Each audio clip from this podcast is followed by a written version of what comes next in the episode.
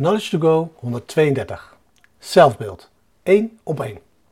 In het boek van Maxwell Maltz Psychocybernetics spreekt hij over servomechanismen. Dat is zoiets als raketten die een doelwit hebben die constant hun koers aanpassen totdat ze het doel raken. Maar voordat Maltz zijn klassieke boek schreef, was hij een wereldberoemde plastisch chirurg die ontdekte dat, hoewel het leven van sommige mensen drastisch veranderde nadat hij hun uiterlijk door plastische chirurgie veranderde, het leven van sommige andere mensen helemaal niet veranderde. Hij geloofde dat de belangrijkste factor die deze groep onderscheidde hun zelfbeeld was. Niet wat ze in de spiegel zagen, maar de beelden die ze van zichzelf hadden in hun geest. Als zodanig vertelt Maltz ons dat het belangrijkste dat we moeten doen is werken aan hoe we onszelf zien. We moeten werken aan ons zelfbeeld. Concreet zegt hij: een mens handelt en voelt en presteert altijd in overeenstemming met wat hij denkt. Dat waar is over zichzelf en zijn omgeving.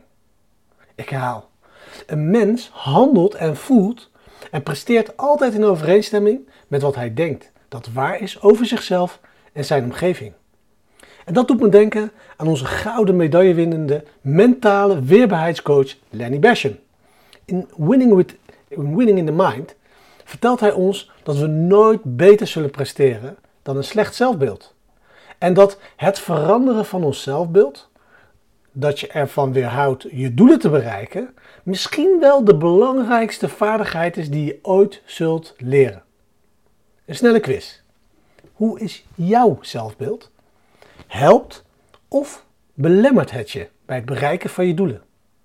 En dit leidt ons naar de vraag: hoe optimaliseren we dan ons zelfbeeld?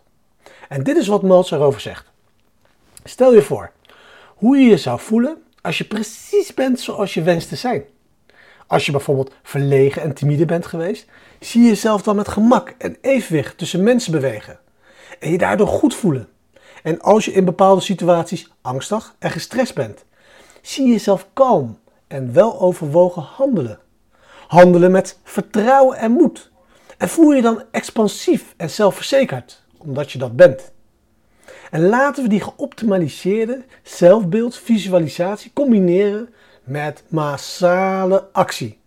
Via de briljante wetenschappelijk bewezen ideeën van Richard Wiseman uit de As-If Principle, alsof principe. Wiseman leert ons hoe we een nieuwe jij kunnen creëren. Hoe dan? Nou, hij vertelt dat we de beste versie van onszelf moeten voorstellen.